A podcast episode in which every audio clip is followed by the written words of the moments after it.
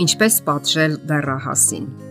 Դեռահասին պատժելը առանձնահատուկ հմտություններ ու գիտելիքներ է պահանջում։ Ամենից առաջ կարևոր է հասկանալ, թե ինչու է նա գործել այս կամ այն արարքը, եւ նախքան պատժելը հարկավոր է ողրել, թե որքանով է նա մեղավոր, հենց ինքն է գործել այդ սխալը, թե ոչ։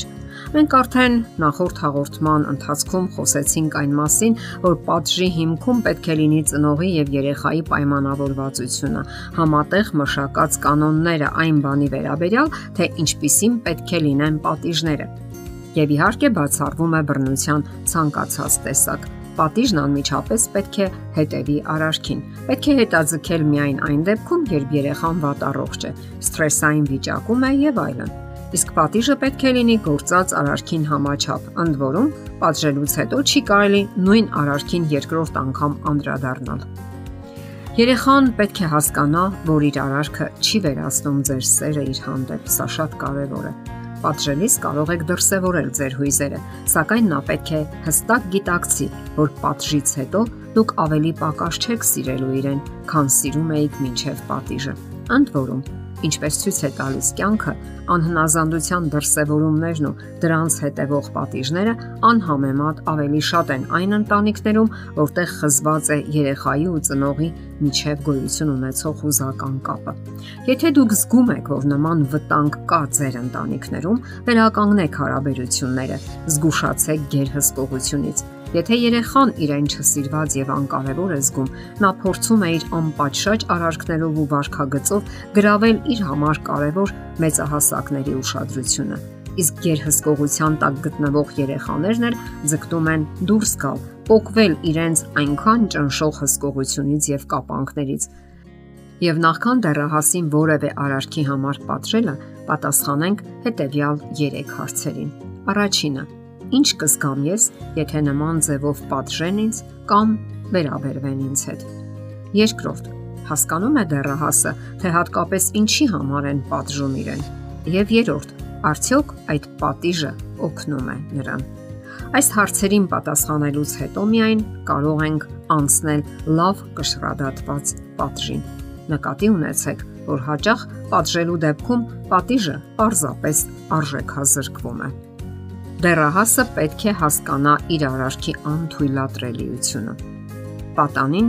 դեռահասը արդեն երեխա չէ։ Նա շատ բան է հասկանում եւ հարկավոր է նրա գիտակցությանը հասցնել իր կատարած արարքի պատասխանատվությունը, որpիսի նա խղճի խայծ զգա։ Հակառակ դեպքում նա կշարունակի նույն կերպ։ Իսկ եթե որոշում կայացնի այլևս չկրկնել այդ արարքը, ուրեմն դուք հասել եք ձեր նպատակին։ Ասենք նաև, որ պատիժը չպետք է հետքեր թողնի հոգու մեջ։ Նկատենք, որ պատժի շատ տեսակներ այսօր անցյալի գիրկն են անցել։ Եղել են ժամանակներ, երբ դեռահասին հարվածում էին գոտիով, ապտակում, վիրավորական նվաստացուցիչ արտահայտություններ թույլ տալիս։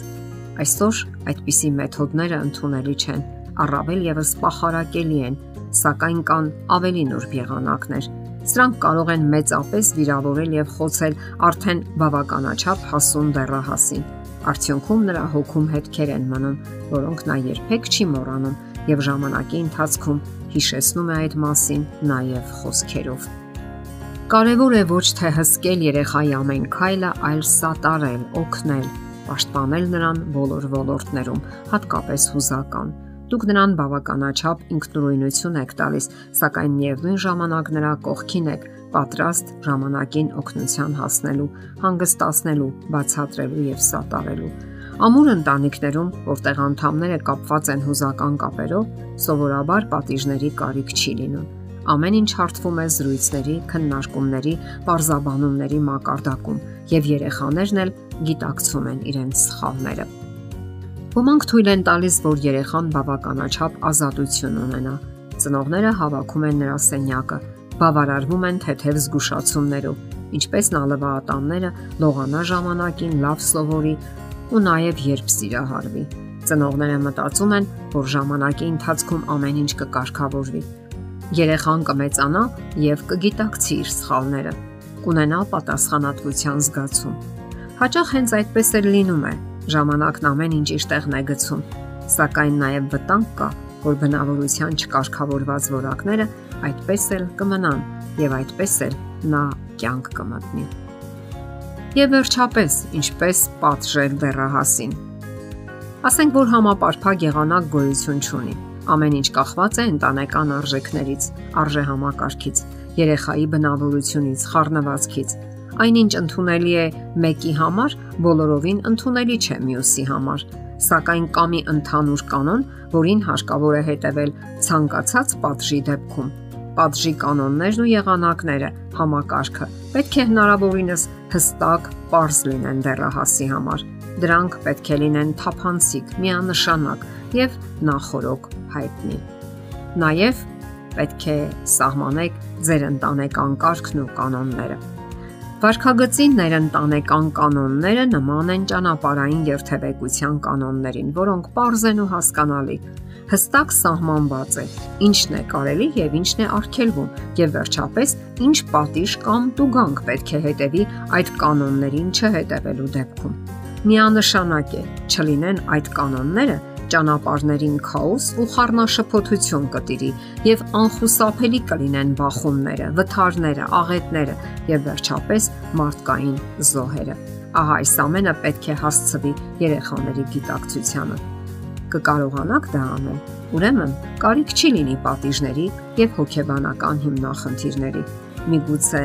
ամեն ինչ չկարողանաք հասցնել, բայց ամենակարևորն այն է, որ շարունակեք սիրել երեխային Պատիժները նա կմոռանա, սակայն իր հանդեպ դրսևորած սերը միշտ կպահպանվի նրա սրտում։